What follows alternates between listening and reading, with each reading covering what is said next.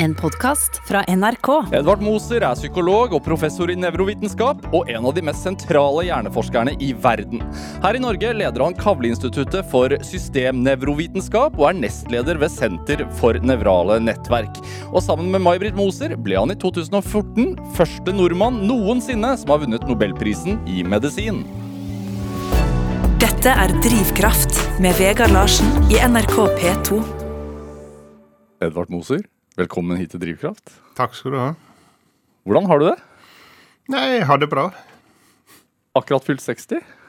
Ja, ei uke siden. Ja. Hvordan, hvordan feiring? Hvordan var feiringen? Uh, den uh, var egentlig ganske beskjeden. Jeg hadde tenkt å snike meg uh, unna, og, men så på jobben så eh, arrangerte de noe likevel, da, så jeg måtte opp en halvtime og, og, og vise meg fram og få hilsener og alt sånt. da, Men jeg hadde egentlig tenkt at det her skulle gå forbi i relativ stillhet. Jeg liker ikke veldig mye oppmerksomhet. Ikke sånn uh, på stedet. Men i ettertid så syns jeg at uh, det var stor stas at jeg har nå ei gruppe av folk der som eh, som er helt fantastisk å jobbe sammen med. Og de sier at de setter pris på min innsats, og da får jeg også eh, en anledning til å si hvor viktig det er å være sammen med, å tenke sammen med, og jobbe sammen med folk som er eh, nå, begynner å bli yngre og yngre i forhold til meg sjøl, ikke sant. Men det er morsomt å se altså, at før så lærte jeg trodde jeg lærte mest av de som var eldre enn meg, men nå lærer jeg av de som er yngre. Og det fagfeltet som jeg jobber i, det endrer seg så fort at jeg er helt avhengig av å, å, å samspille sammen med de som er bare blir yngre og yngre enn meg. For de lærer ting som ikke gikk an å lære på skolen eller på universitetet den gangen eh, jeg var ung. Oi. Er du ydmyk i forhold til den nye kunnskapen som de besitter?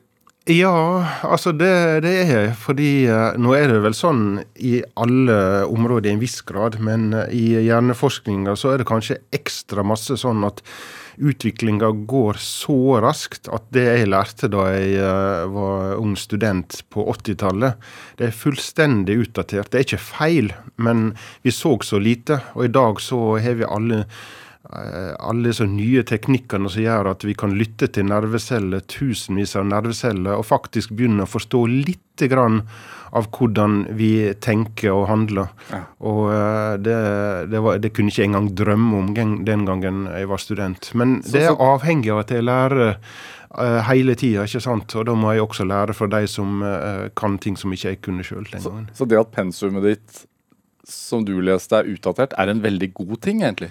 Ja, det er en veldig god ting. Det, det sier noe om det fagfeltet, hvor fort det går. Og eh, den gangen så, eh, så fantes nå ikke det et fagfelt som heter hjerneforskning eller nevrovitenskap. I dag så heter det nevrovitenskap, men du kunne ikke studere nevrovitenskap. Så du kom fra medisin, eller kom fra psykologi eller fra biologi. Eh, men i dag så er det så tverrfaglig, og du må kunne masse fysikk og matematikk, og alt sammen da blir eh, blanda sammen. Eh, og, og da kan du ha håp om å forstå litt av hjernen. Men det er noe ting som jeg aldri har studert, ikke sant. Så jeg er avhengig av eh, kollegaene mine for å, å få det til. Det, man sier jo ofte um, at ja, altså, jeg er eh, så og så gammel utvendig, men jeg føler meg mye yngre inni meg selv. Hvor, hvor, hvor gammel føler du deg? En plass mellom eh, 20 og 60. det varierer. Er det, hvorfor er det sånn?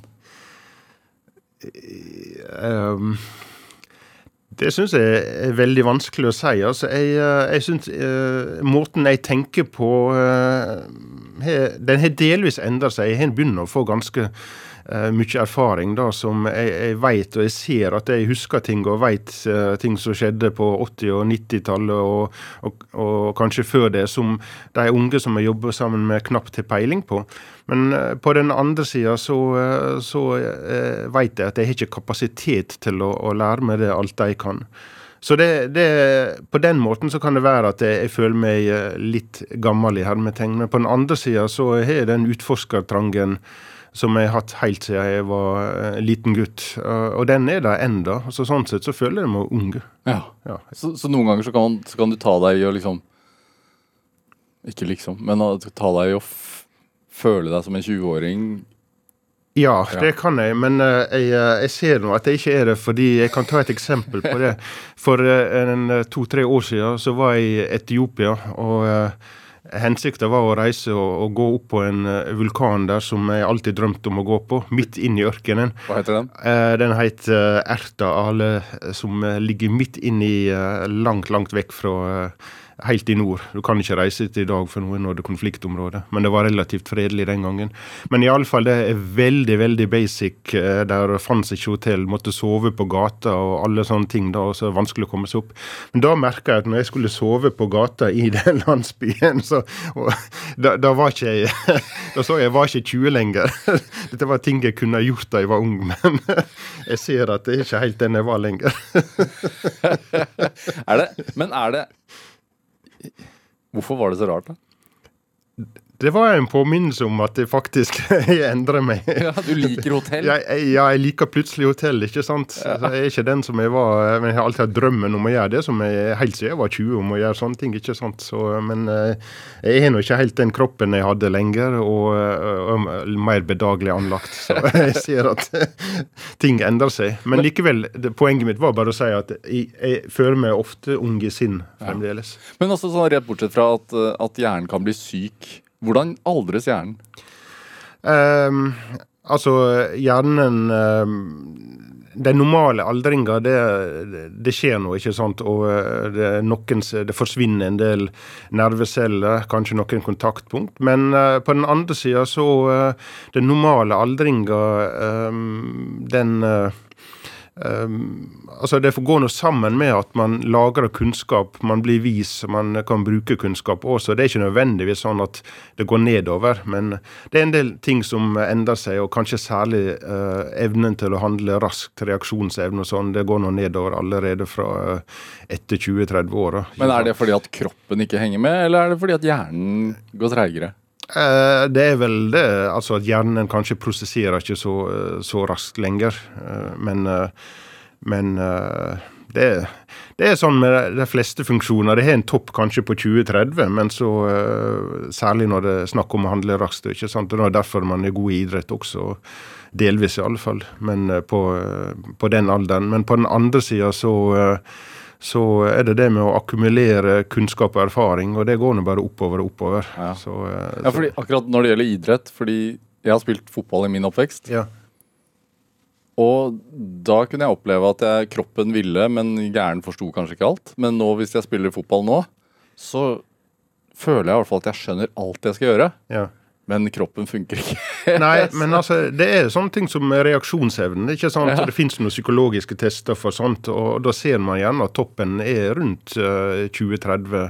Og, og, så går det gradvis litt nedover, men det er nå bra nok for de fleste form formål. Men hvis man skal spille i toppfotball f.eks., så går nå ikke det.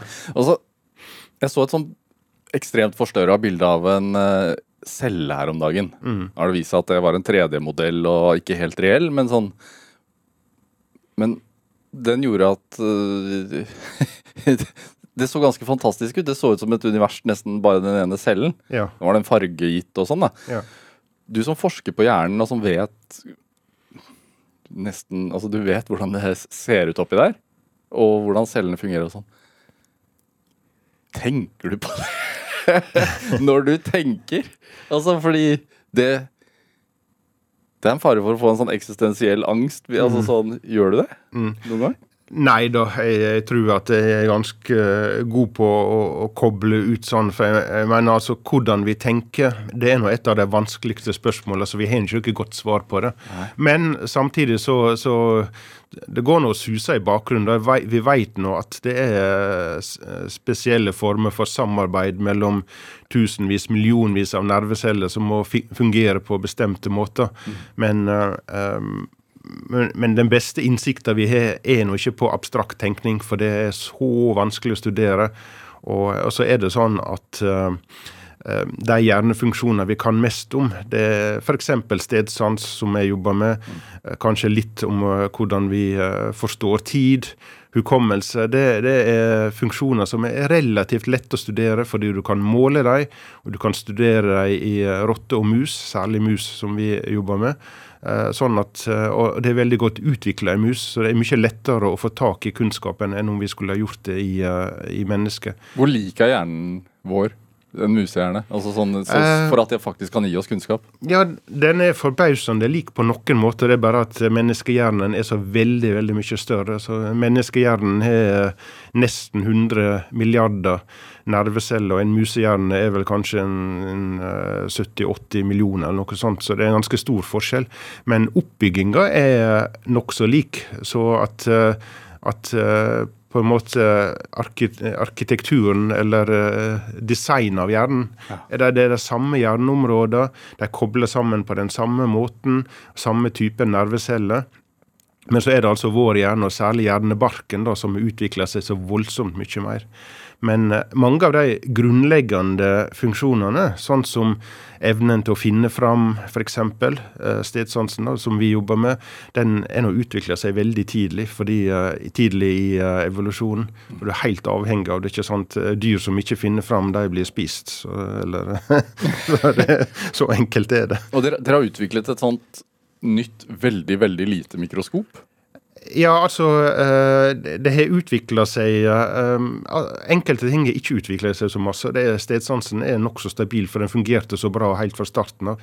Men hvis du tar f.eks. abstrakt tenkning, så har det utvikla seg ganske masse eh, hos mennesker. Så da, da får du ikke hele svaret hvis du studerer ei mus. Nei. Men skal du ut etter grunnleggende prinsipper, ikke sant, så kan du gå veldig langt ned i evolusjonen. Det er akkurat som hvis du skal studere genetisk kode av DNA. ikke sant? Du, finner, du kan like studere det i gjær. Ja. Så gjærceller, fordi det er så grunnleggende, og det fungerer på samme måten hele veien. Så det er ikke noen grunn til å studere det i mennesket. Men dette mikroskopet som, som dere benytter, mm. som er en nyvinning ja, så vi har utvikla et uh, nytt mikroskop for å studere uh, hjerneceller i, uh, mens mus er aktive og gjør på ting. Ja.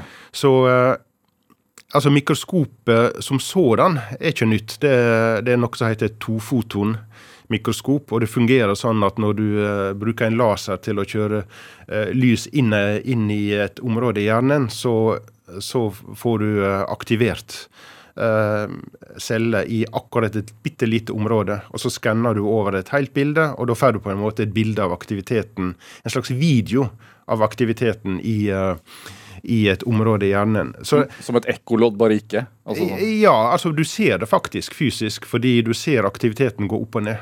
Fordi du bruker et sånt triks for å få se uh, hvordan uh, nervecellene er aktive. Så du får altså et videobilde av aktiviteten i et område i hjernen, kanskje tusenvis av nerveceller, mens ei mus da gjør på forskjellige ting. Så selve mikroskopet det ble funnet opp 90, uh, på 1990-tallet, men det som ble funnet opp da, det er en boks på 500 kilo. Så du, hvis du skal studere det, så er det akkurat som en, det er som en MR-skanner. ikke sant? Ja. Du må da legge musa under. Den kan ikke flytte på seg. Og det er ikke bra hvis du vil studere uh, stedsans, f.eks. Så det som har vært utfordringa, å utvikle det mikroskopet sånn at det blir så lite og så lett at en mus kan bære det på hodet. Og nå har vi det. 2,4 gram. Og uh, ei mus er nå uh, iallfall 30 gram. Uh, så uh, det betyr at uh, den kan veldig lett gå med noe sånt på hodet for en halvtime eller sånn. Ja. Og da, gjennom det mikroskopet, gjennom en veldig veldig tynn og fleksibel kabel, så kan du da faktisk få de signalene, og så ser du da en video av tusenvis av nerveceller mens ei mus klatrer på et tårn, eller hopper rundt, eller springer på ei boks, eller hva det skal være. Og jeg har sett, sett video av dette her, og, og det ser jo ut som masse blinkende lys. Ja. Hva, hva, det ser jeg. Hva ser du? Ja, så, ja jeg også ser blinkende lys. Men, eh, men de blinkende lysa altså det, det, Du ser en video med kanskje 100 lamper som blinker rundt på forskjellige plasser. Og de blinkende lysa, det er nervecellene. For det, det, de er sirkulære på en måte, og så er det forskjellige celler som er blinker på forskjellig tid. Og grunnen til at de blinker, er at uh, vi har da uh, satt inn et fluoreserende stoff. Altså uh, sånn at når du sender lys på med den laseren, så blinker de. Normalt så vil den ikke blinke, ikke sant? men de får det satt det inn i genet sitt. Og det gjør ingenting for nervecellene. Om de blinker, så fungerer de helt bra ellers. Men det gir oss da muligheter til å se på nervecellene. Og hver gang nerveceller er aktiv, da blinker den. Så vi bruker den som en måte for å lese av aktiviteten i de nervecellene. Og så er det da sånn, det er ikke nok å gjøre det ei og ei celle. Du må gjøre det fra tusenvis av nerveceller samtidig. Fordi alle disse avanserte hjernefunksjonene, sånn som stedsans f.eks., det skjer i samarbeid mellom tusenvis av nerveceller. Og så må du da se på alle samtidig om du skal forstå hvordan de jobber sammen. Det hjelper ikke å se etter én og én. Og det har ikke vært mulig før nå. Og det er det som var vårt uh, lille gjennombrudd nå da for uh, et par måneder siden, da vi publiserte det her. Ja. Så det er som et slags uh, starten på et kart, da, på et vis. Ja, eh, på en måte så er det et slags kart, men det er et dynamisk kart, som jeg ville kalle det. Så er det kart som endrer seg hele tida. Edvard Moser, hva Når jeg skal slappe av hjemme, så, så ser jeg på veldig dum reality, f.eks. Mm -hmm. Hva gjør du? Uh, jeg slapper nå stort sett ikke av, da. Nei uh, Hva er det dummeste du gjør? Jeg veit ikke om jeg gjør noe dumt. Ja, det, ja, det dummeste jeg gjør, som jeg faktisk liker å gjøre, det er hvis jeg skal slappe av, så setter jeg meg i eh, en stol hvis det er fint vær, og sitter jeg og ser på sola og gjør ingenting. Dette er Drivkraft med Vegard Larsen i NRK P2. Og i dag er eh, hjerneforsker Edvard Moser her hos meg i Drivkraft på NRK P2. Det er greit å bare kalle deg hjerneforsker. Ja da. Ja. Det er Altså, også, vi snakker jo om eh, snakker, Vi har begynt å snakke litt om forskningen deres. Mm -hmm. Vet at dere, altså, Det er noe, bare noe sånn smultring mm -hmm. Jeg kaller det smultringgreie. Mm -hmm. Jeg vet ikke. Hva, ja. Er det greit at jeg kaller det det? Det er helt greit å kalle det Og det er um det er ikke veldig lett å forklare, for det her er veldig avansert matematikk som knapt jeg forstår heller. Men uh, det, det, du uh, viser til når du snakker om den smultringen, er at vi har prøvd å forstå den samtidige aktiviteten til alle disse cellene i stedsansen. Hva er det, Hvordan virker de sammen? Ikke sant? Og det er noe nytt vi nå kan gjøre, fordi vi har nye prober, eller sensorer, som er veldig veldig tynne, 20 mikrometer, som vi kan stikke ned i hjernen eh, mellom nervecellene, sånn at de ikke ødelegger nervecellene på en mus. Og så kan du da eh, fange opp aktiviteten og finne ut hvordan de jobber sammen. Og Hvis du da ser på aktiviteten til la oss si 1000 nerveceller samtidig, så kan du plotte dem inn i et slags eh, koordinatsystem. ikke sant? Du vet, eh, Sånn som vi holdt på med skolen, så var det tre akser. En X-akse, en Y-akse og en Z-akse. Ja. Og på hvert tidspunkt så kan du sette hva uh, aktiviteten da var, var, i det tredimensjonale rommet. Og så ser du da at aktiviteten vil gå rundt som en sti i det tredimensjonale rommet over tid. Men hvis du har 1000 nerveceller, og de er uavhengige, så er ikke det et tredimensjonalt koordinatsystem. Da er det et tusendimensjonalt koordinatsystem, og det klarer ingen av oss å forestille oss. Men så finnes det matematiske triks for å bryte det ned, sånn at du får tre dimensjoner. Mm. Og hvis vi nå bruker disse matematiske triksene, at du får de tre viktigste dimensjonene, så ser vi at aktiviteten går rundt på en smultring. Og eh, det kan man synes at ja, ja, det er noe veldig rart. Eh, det er en kuriositet, men trenger vi egentlig å vite det? Ja. Bra du stilte, bra du sa det sjøl, ja. Nei, men hvorfor er det viktig? Jo, fordi det fins eh, noen teorier i hjerneforskning. Det er ikke så mange, men det fins noen teorier om hvordan hjernen virker. Og en av de teoriene sier at hvis hjernecellene kobler sammen sånn som vi tror, så må det være en sånn smultring. Og ingen har sett den smultringen før.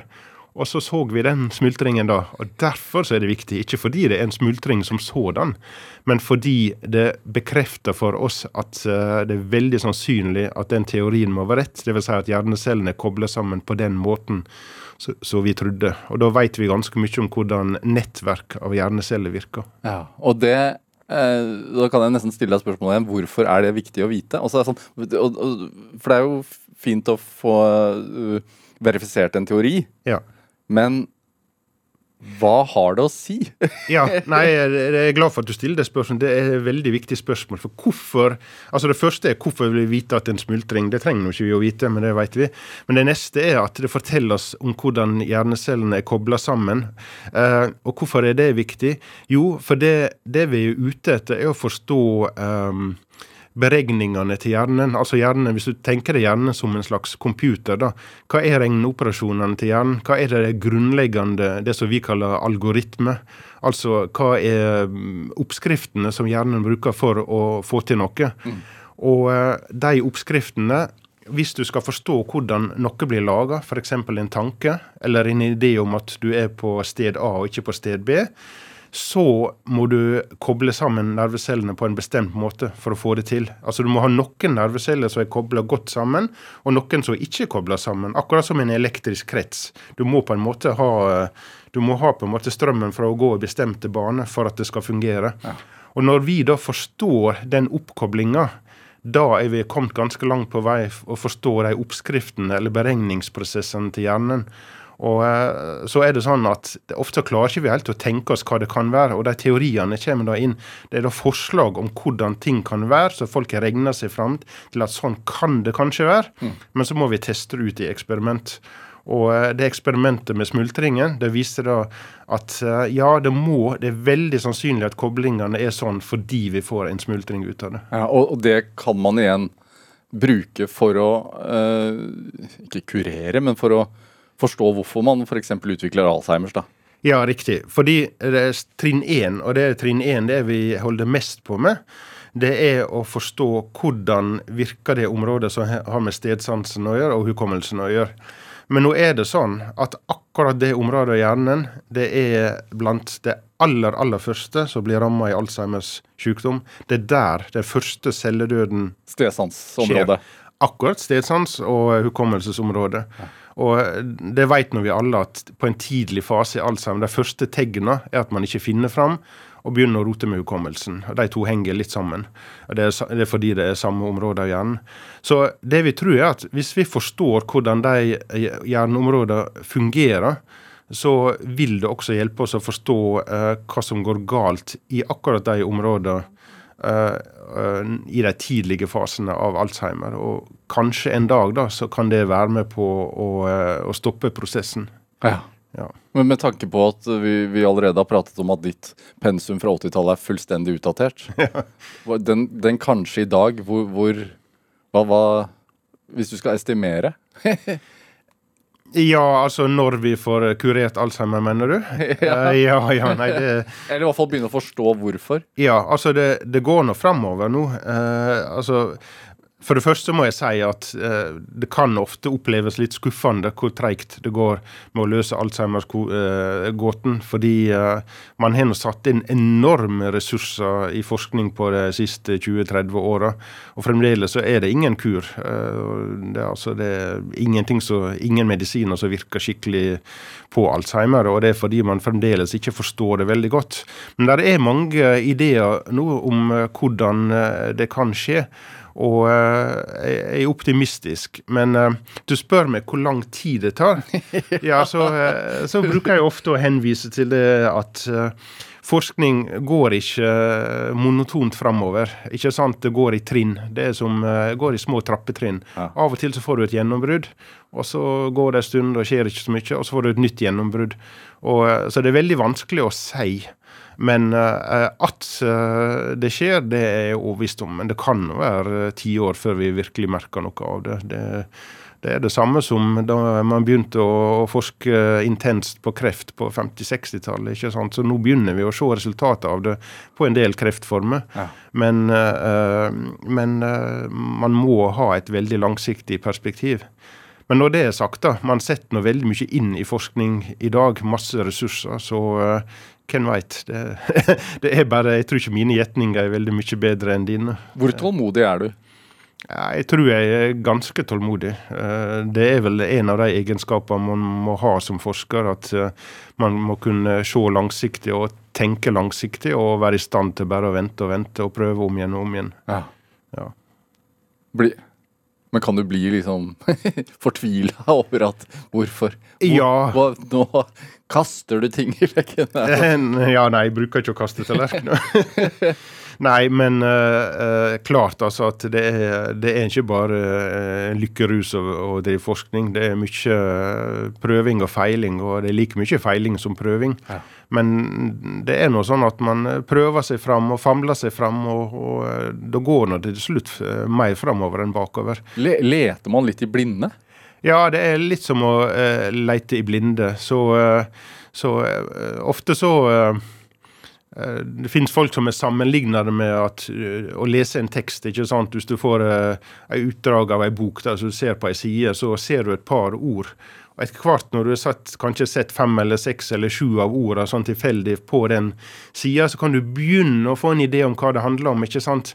Men likevel så, så har du så lite innsikt at, eh, at uh, kanskje uh, treffer du, og kanskje treffer ikke du. Men så får vi flere og flere ord, da, og til slutt så begynner vi å se strukturen. Hvor mange ord uh, har dere funnet? Jeg tror fremdeles det er ganske få i forhold til totalen. Ja. Men det går framover. Det er det som er det viktigste, syns jeg. Og det er også morsomt med hjernen, da, fordi det, jeg tror ikke det de mer, de, flere, de mer vi forstår, de mer skjønner vi at det er nye spørsmål vi ikke forstår. Så, eh, så det er på en måte ikke sånn at eh, vi fyller ut den sida. Det blir bare nye sider isteden. Ja, Altså, det er noen myter om stedsans. Mm. Er det er det forskjell på kan, jeg, kan, jeg, kan vi avkrefte noen myter? Er det forskjell på kvinner og menns stedsans? Ja, det, det spørsmålet jeg får oftest når jeg holder forelesninger i, i, eh, i, i, i bredere forsamlinger. Eh, Ja, altså eh, Svaret er både eh, ja og nei. Altså, det er ikke sånn at eh, menn er bedre i stedsans enn kvinner. Men likevel så er det også eh, en, Der er enkelte forskjeller, men det går også litt på eh, typen stedsans.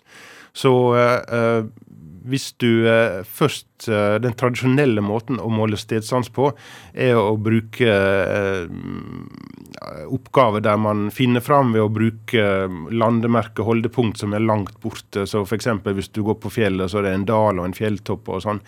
Og kanskje må du peile det litt inn ved å også bruke din egen bevegelse. Sånne ting, både hos mennesker og hos rotter og hos mus, så er ofte menn litt bedre.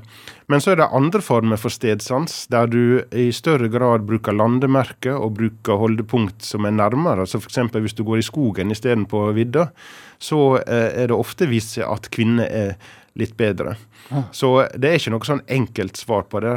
Men eh, når det også er sagt, da, så er det stor variasjon. Så det er ikke sånn at alle menn er bedre på det ene, og alle kvinner er bedre på den andre. Eh, det er stor overlapp. Men hvis du har 1000 eh, spør 1000, eller tester 1000 eh, menn og 1000 kvinner, så vil du ofte finne den tendensen. Men er, så hjernen er, er litt kjønna? Ja, ja, ja. ja. Nei, absolutt. Altså, Hjernen er, er kjønna. Eh, det er den. Det, det er forskjeller i Så det, stedsans er nå bare én ting, men hvis du bruker psykologiske tester, så finner du forskjeller på også verbale ferdigheter. Der det er som regel kvinner bedre. Eh, og jeg vil tro også evnen til å, å lese følelser, og, og vil jeg tro også at uh, der er kjønnsforskjeller. Altså, jeg mener vi, kan jo ikke altså det, det er forskjell på å være kvinne og mann, så hjernen er også forskjellig. Men eh, det er ikke Det er ofte litt subtilt, og så er det veldig stor overlapp. Du er jo psykolog. Jeg er utdanna psykolog, ja. Ja. ja. Men det er jo Men ikke sånn Freud-psykolog? Eh, faktisk så det, det som gjorde at jeg begynte med psykologi, som jeg syntes det var kjempespennende å lese Freud, men jeg trodde nå ikke på det. så, men jeg, jeg syntes det var veldig fascinerende, så det var det som brakte meg inn i det. Men da jeg kom inn i, i psykologien da, eh, og studerte grunnfag, så, eh, så ble jeg mer opptatt av det som vi kaller eksperimentell psykologi, som da bruker en mer eh, kanskje det man ofte kaller en vitenskapelig eksperimentell tilnærming for å teste hypoteser.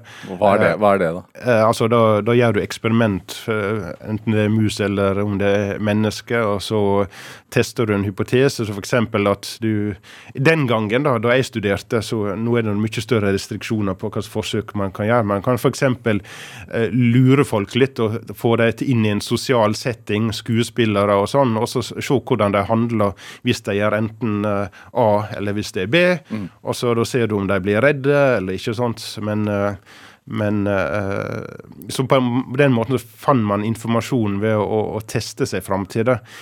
Mens Freud var nå ganske kreativ med å, å, å tenke eller danne seg hypoteser.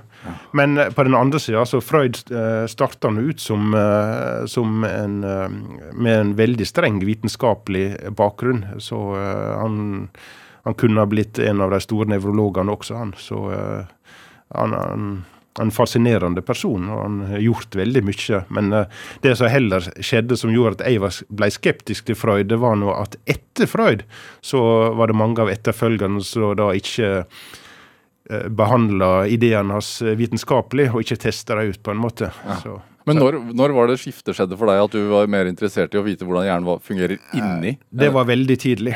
Så da jeg gikk på det som heter grunnfag den gangen, altså helt på starten av studiet, så så ble jeg eksponert for uh, eksperimentell forskning i psykologi og, og andre måter å, å forstå uh, Eh, menneskesinnet på, men da særlig hjernen. Men den gangen så var ikke det eh, Det var ikke veldig mye å lære i, eh, om det på, i, i, i, lærebøker. Altså Det sto nesten ingenting om hjernen. Det var fullstendig ignorert. ikke sant? Du kunne studere psykologi og, lese tusenvis av sider, og det var kanskje en to-tre sider som handla om hjernen. Men det var det, det jeg syns var det mest interessante av alt. ikke sant? Så jeg også sammen med May-Britt uh, Mose, så gikk vi jo oppsøkt uh, da de, stu, de foreleserne som hadde toucha borti det der, og fikk mer informasjon. Og spurte sånn? Ja, spurte kan vi få fikk artikler om hjernen, som da Det var nå ganske tidlig i dag, altså det var, men det var ganske banebrytende den gangen på 80-tallet. Og eh, Så til slutt da, så fant vi nå veien til Nevrofysiologisk institutt, som det heter. Altså på det medisinske fakultet, ikke på psykologi. Ja. Eh, men der kunne ikke noe særlig psykologi. Men da hadde vi da lært nok psykologi. Så kom vi da til eh, en som heter Terje Sagvalden, og seinere til Per Andersen, som var en av de store hjerneforskerne i Norge på den tida, og fikk da begynne å ta doktorgrad der. Men da begynte vi med en slags hybrid av psykologi og medisin. Men det var veldig morsomt. Vi kunne nok psykologi eh, allerede da, eh, men samtidig så var det absolutt det vi trengte. Det var å gå til et medisinsk miljø der man studerte eh, virkeprosessene til hjernen på en måte som ikke fantes i psykologifaget på den tida. Har, har du spurt deg selv hvorfor du syns det er mer interessant å liksom vite hvordan hjernen fungerer inni? Altså hvordan den jobber? Uh, ja, nei, altså det Hvorfor vet jeg ikke, men uh, det du peker på, er en veldig stor forskjell. For den måten psykologi fungerte fram til da, var det man ofte kaller en sånn svart boks psykologi. Fordi da studerer man Man ignorerer hjernen, og så studerer man hva som kommer inn på den ene sida, og hva som går ut på den andre sida. Så finner man sammenhenger mellom det som går inn, det man opplever, og det man eh, gjør, da, som er på en måte det som går ut. Og det kan man lage en hel vitenskap ut av, uten egentlig å bry seg om hva som skjer i hjernen. Bare finne sammenhengene. Men eh, jeg veit ikke. Jeg syns det var bare utilfredsstillende. Og det kan vel kanskje ha med det å gjøre at jeg prøver, jeg, jeg syns det mest interessante er å forstå mekanismene. Altså hvordan, hvordan ting skjer. Og du kan ikke ignorere hjernen og nervecellene hvis du skal forstå det. Det har jeg bare meint helt siden starten. Edvard Moser, vi skal spille litt uh, musikk. Uh, du har ikke med noen sånn typisk uh, låt. du har med en altså Fuglen fra Kapingamarangi. Er det, var det, det var riktig uttalt? Ja da. Uh, med, med, Jan Erik Vold uh, som leser, f.eks. Hvorfor, hvorfor, hvorfor dette her? Ja, jeg liker Jan Erik Vold og, og hans diktning. Og det, det har nok med det å gjøre at jeg, jeg syns det, det, er veldig originalt. Han har gått sine egne veier helt starten. Han er veldig ukonvensjonell og bryter alle tradisjonelle normer for både hvordan du skriver dikt, og hva du skriver om. Det, jeg syns det var fascinerende. Jeg har tenkt litt at at den forskninga jeg har vært med på sjøl, også er litt sånn. at Jeg liker å bryte normer og tenke uh, på min egen måte og gjøre ting sånn som jeg sjøl syns det skal være, og ikke hva andre forteller meg at det skal være. Så jeg har vært fascinert av vold helt siden jeg gikk på gymnaset. Derfor syns jeg det, det, passer hvis jeg skulle velge noe her. Så. Men så er det også morsomt da når, når han har fått satt musikk på det. Så. Ja. Chet Baker f.eks. på trompet. Skal vi høre? Mm.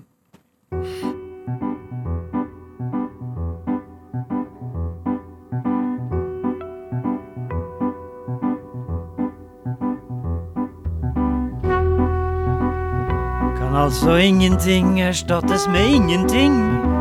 Spurte prinsen. Ja, det ser slik ut, sa fuglen fra Kapinga Marangi. For den som lar være å skjelne mellom ja og nei.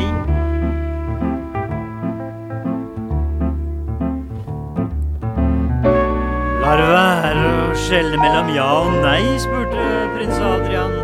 Hvordan? Nei, det gjelder å finne fram til et ekte stykke ingenting. Da merker du det koster ingenting å gi det bort. Ingenting å holde på det.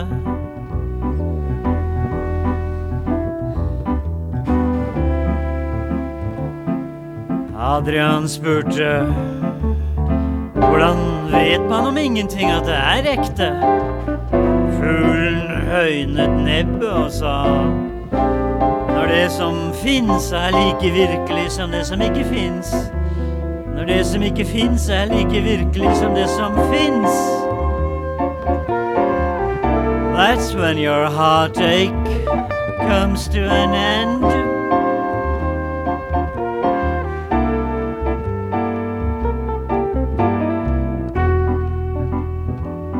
Det var en vakker dag. Bølgene brøt om den vesle øya ute i havet. Prinsen lå på stranden under solen utenfor språket. Han gned seg i øynene, nikket på hodet da fuglen sa Prins Adrian, jeg har fløyet langt, helt fra Kapinga Marangi. Det har jeg gjort for å synge ingenting-sangen for deg. Når ingenting møter ingenting, oppstår ingenting, oppstår ingenting. Når ingenting savner ingenting, ønsker ingenting, da er alle ting i ro.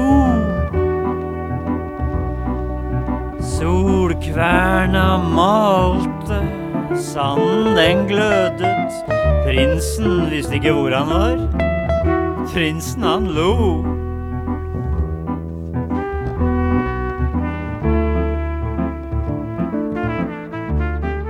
Fikk eh, Jan Erik Vold med 'Fuglen fra Kapang... Kapingamarangi' her i Drivkraft på NRK P2.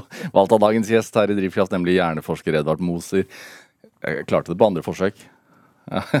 Eh, hvor er du født og oppvokst? Jeg er født i Ålesund, men jeg vokste opp de første ni månedene på eh, ei øy som heter Haramsøya, som eh, er bare et par hundre innbyggere nord for Ålesund. Men eh, etter ca. et år så flytta vi til eh, Hareid, ja. som ligger sør for Ålesund. Og der vokste jeg opp og ble til jeg var 18 og flytta ut etter jeg var ferdig med gymnaset. Hvordan plass var det? Det er en veldig fin plass. Masse fjell og veldig fin natur. Um, samtidig så er det også klart at hvis man har ønske om å gå i noen akademisk retning, så, så er ikke det da må man ut. Alle, måtte da, alle som vil studere, måtte til Oslo eller til Bergen eller til Trondheim. Ja. stort sett. Moren og faren din eh, kom fra Tyskland?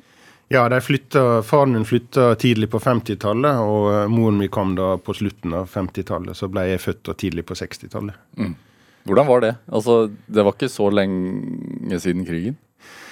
Nei, altså det, jeg vil si at det var modig gjort av far min å flytte til Norge i 1953, eller hva det var. Men uh, han, han en tøff, var en tøff kar, og han også eventyrlysten på samme måte som jeg er.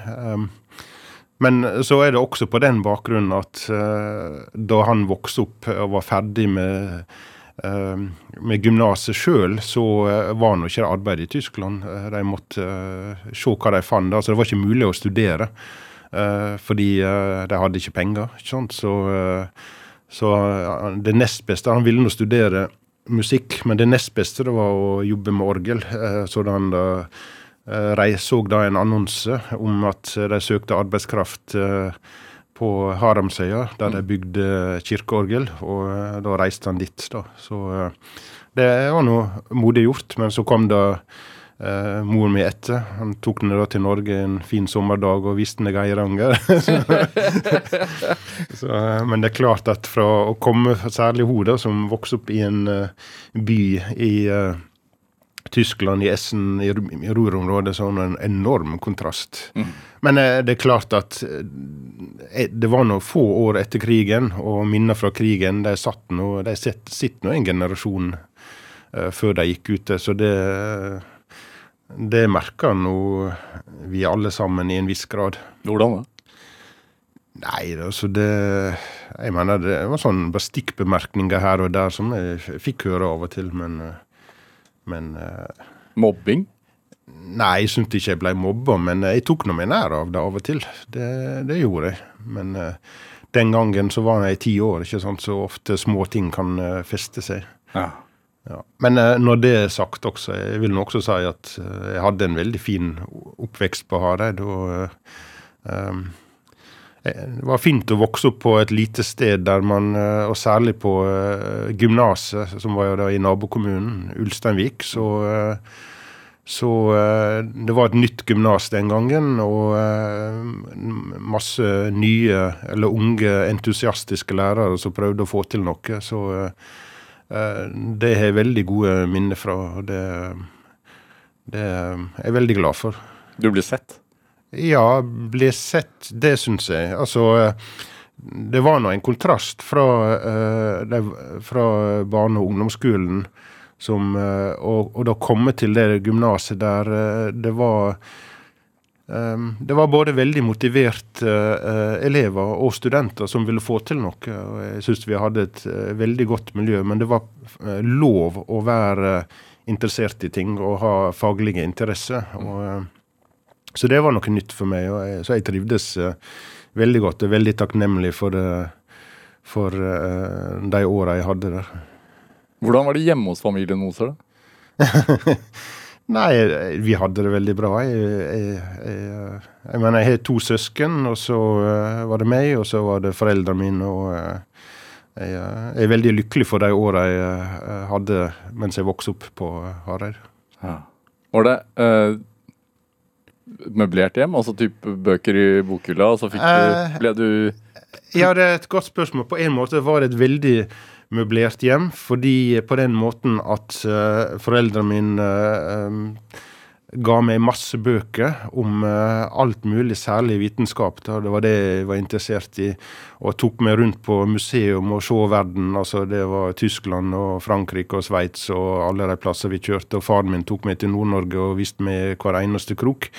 uh, men uh, på den andre sida så var det ikke møblert i den forstand at ingen av dem hadde en formell akademisk utdannelse. Så Eh, sånn sett så var jeg på en måte første, eh, første generasjon eh, med universitetsutdannelse, bortsett da fra at bakover i på farssida, så med unntak av faren min, så var alle prester. Så det var prest og prest og prest i mange generasjoner. Ja. Men med unntak av det, så, så hadde ikke vi Eh, en formell akademisk eh, bakgrunn, og dermed så var det en god del ting å finne ut eh, for meg sjøl som kanskje mange fikk mye mer gratis hvis de vokste opp i hjem der man visste hva man gjorde når man kom til universitetet, hvordan man søkte kontakt og alt det uskrevne som, som jeg ikke hadde.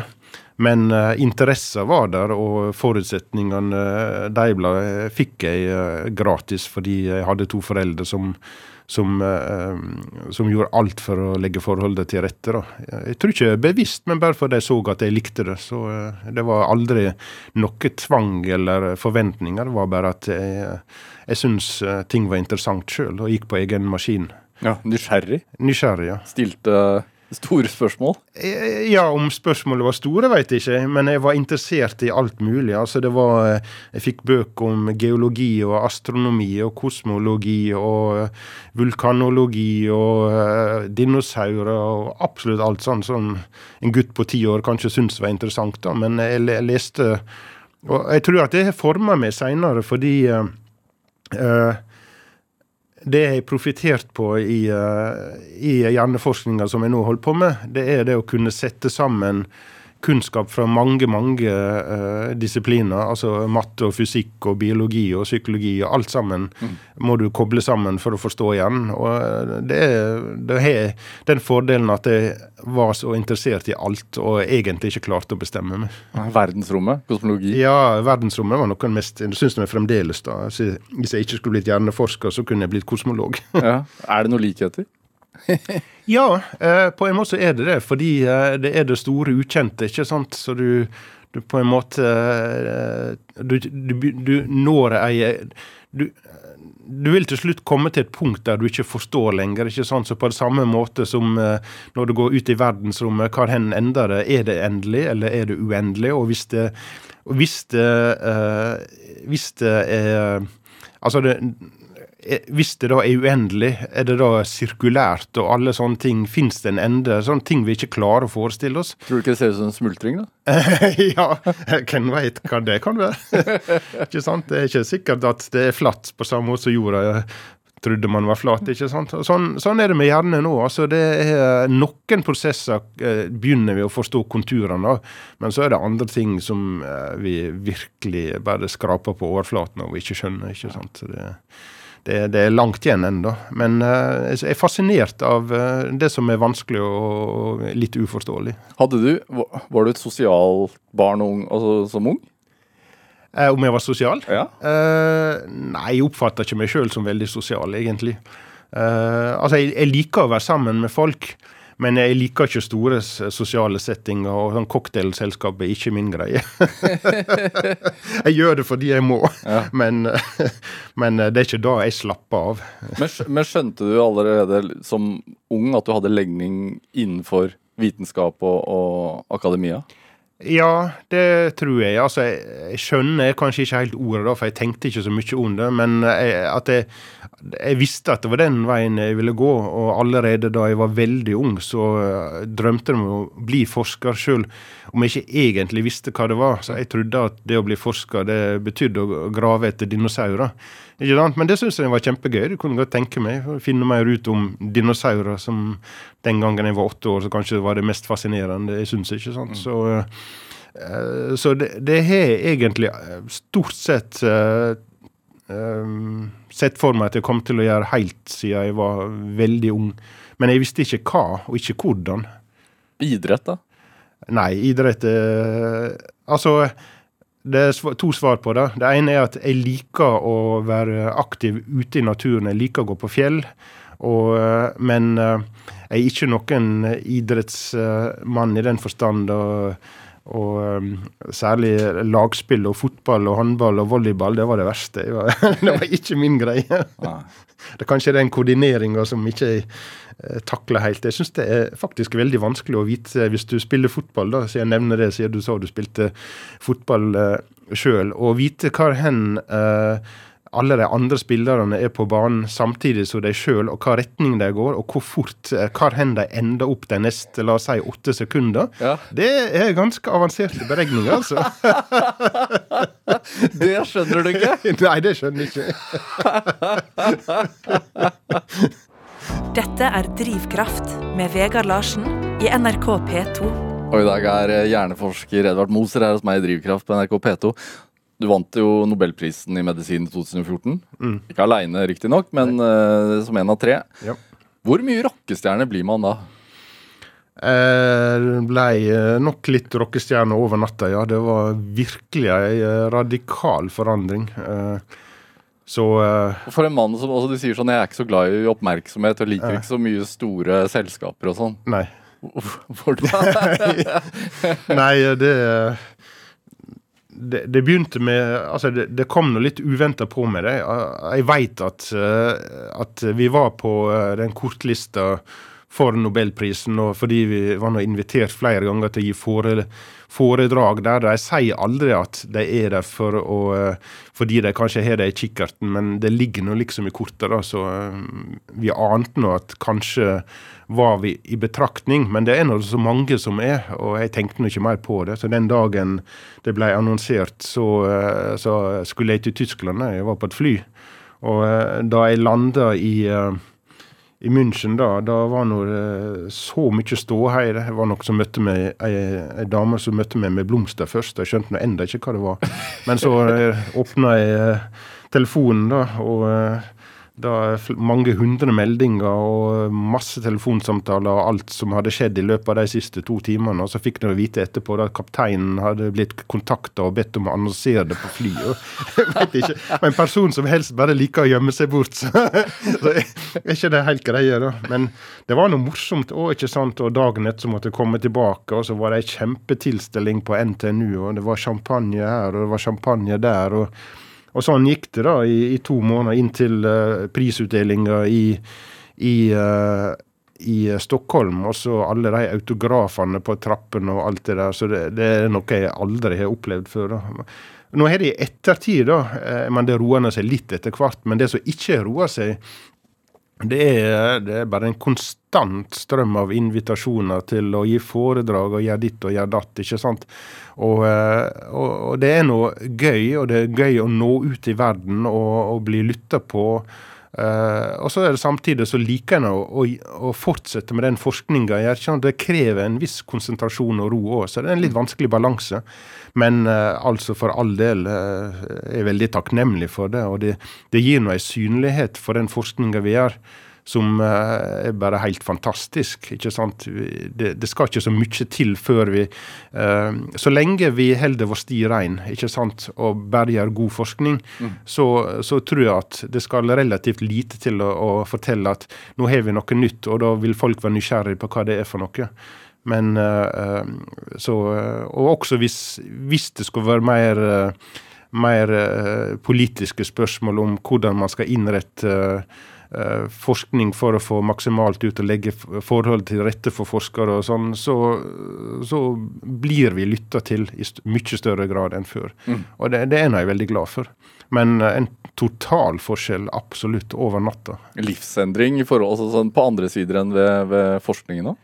Eh, ja, altså det, det er liksom blitt en nei-person. da. Stort sett sier nei til 99% av alt jeg blir spurt om. sånn var ikke det før, da. Men uh, ja, nei, altså både ja og nei. Jeg mener, jeg lever mitt liv og gjør akkurat det som jeg vil ellers, ikke sant. Men uh, det er bare det at, uh, at, at at man har større innflytelse og blir lagt mer merke til, så er det på godt og vondt. da. Man må også være litt nøyere med hva jeg gjør og hva jeg sier. Var det en drøm? Og Å motta den en gang? Altså... Nei, det hadde jeg ikke tenkt på engang. Altså, det er klart at de siste åra før, når jeg visste eller iallfall trodde at vi var aktuelle, mm. så har jeg tenkt tanken, og klart jeg syns det ville være morsomt. Det, det, det, må jeg absolutt innrømme. Men jeg må si, hvis du da går noen år før det, så, jeg, så kunne ikke jeg tenke meg tanken engang. Helt utenkelig. Hva er det som er altså Vi har snakket om arbeidet ditt, at det er litt som å lete i mørket noen ganger, og at det mm. er eh, langsomt arbeid. Ja. Hva er det som gjør det så spennende? Altså, Hva er det som gjør at du gjør det hver dag og eh, sier nei takk til invitasjoner verden over for å holde på med det i, stedet? Um, ja, det er flere ting. Altså, det er, det er noe med å være nysgjerrig, men også det at jeg har god tid. Uh, jeg føler ikke at jeg trenger å og uh, vite svaret i morgen, det, det holder med om jeg får vite det om tre år, liksom, eller om om 13 år, for den del. Men uh, Så det er jakten tror, på et svar? Ja, det er ikke bare det å få uh, svar. Altså, Det er også noe med å, å, å få det til. Så det er, det er på en måte som et puslespill som du legger, og du har god tid. Men det å se at man lykkes underveis, og finne ut av ting, men også å lykkes i å etter hvert nå når jeg er blitt 60, så, så jeg begynner å få en del personer som har vært med på å utdanne og, og, og, hjelpe til å bli eh, gode forskere rundt om i verden sjøl. Og det å få det til er i seg sjøl også en ganske stor belønning. Så, eh, så, det er en kombinasjon av eh, det å være nysgjerrig og det å, å drive en prosess der man steg for steg får større innsikt, men også hjelpe nye generasjoner til å eh, starte sjøl, og på en måte da får forskninga til å holde det fram. Så bare det å få til ting er seg sjøl belønnende. Og så er det det naturligste å forstå hjernen er også belønnende i seg sjøl. Så uh, jeg tror det kanskje det er ikke alltid så lett når man blir spurt hvorfor gjør man ting man gjør. Så jeg gjør nå bare det jeg gjør, ikke sant. Det, men jeg, jeg tror at uh, det har mye med det å gjøre. Ja. Er det sånn på andre områder også, at hvis det er en, en knute som du ikke får opp, så sitter du og holder på med den til den løsner? Ja, det, det er litt det, bortsett fra at jeg, jeg ville ha vurdert det å løse en knute som eh, relativt kjedelig. Så jeg, jo, jo, men sånn, altså, men, sånn, et men, puslespill, liksom? Altså, ja, det, sånn, det, er litt på den måten. Ja. Altså det, Hvis jeg bare bestemmer for at det er noe jeg vil, så kan jeg, eh, jeg kan ha en jernvilje. altså Jeg kan stå imot inntil siste slutt. og eh, Det er vel det som Det er det samme som når jeg går på fjellet, av og til til stor frustrasjon for hvor mange av de jeg går med, ikke sant, så vil jeg aldri gi opp. Hva er du mest stolt av, Edvard Moser? Eh, hvis det gjelder forskninga, så eh, er jeg stolt av to ting. Det, altså, Jeg er stolt av alt vi har gjort, så det er det første svaret. Men eh, den oppdagelsen av gittercellene i, i 2005 som vi fikk prisen for, er naturligvis et gjennombrudd. Men så er jeg like stolt av det som vi har gjort nå de siste eh, to, tre, fire åra, der eh, vi har transformert forskninga i vårt felt fra å studere ei og ei celle, til nå å studere tusenvis i gangen. Og det nye eh, mikroskopet som vi snakka om ja. i stad, eh, og det vi holdt på å finne ut, den smultringen og sånn. Altså det er en, det er en overgang fra å studere hjernen um, ei, etter ei celle, ei gangen, til å studere mange tusen samtidig. Og all den matematikken eh, det involverer, at vi har fått til det. Og det da sier jeg veldig sterkt vi, fordi jeg har ikke fått til det sjøl, for jeg er ikke matematiker sjøl. Men at vi har klart det sammen, det, det, er, det er jeg veldig stolt av. Så det, det er det jeg brenner for nå, da. Edvard Moser, tusen takk for at du kom til Drivkraft. Produsent i dag var Ellen Foss Sørensen. Julia Martincic gjorde research, og Anne Sofie Stang bidro også sterkt til denne sendingen. Dette var Drivkraft. Jeg heter Vega Larsen. Vi høres. Du har hørt en podkast fra NRK. Hør flere podkaster og din NRK-kanal i appen NRK Radio. Du kan ikke utfordre fyr på et utested og si sånn 'bli med ut', da. Jeg har øvd på fitnessbokser. Ja, ja. det er egentlig finere metode å slåss på. Ja. Bli med ut. Vi kjører planka. For der får man jo se denne, altså, denne drinken kaller jeg uh, søndagsmorgen. Og når man står opp på søndag, så må man også pusse tenna. Da har med tannkrem okay. for barn. Null til fem år. Og så har jeg selvfølgelig også en gammel klassiker. Alle i huset må, må jo få seg litt mat. Nå kommer det. Kattemat. Nei. Eh, dynga at nrk.no. Det er stedet å sende inn spørsmål, spalter, hva du vil. Mm. Du er med på å designe denne podkasten. Dynga! Dynga hver fredag på P3. Og når du vil i appen NRK Radio.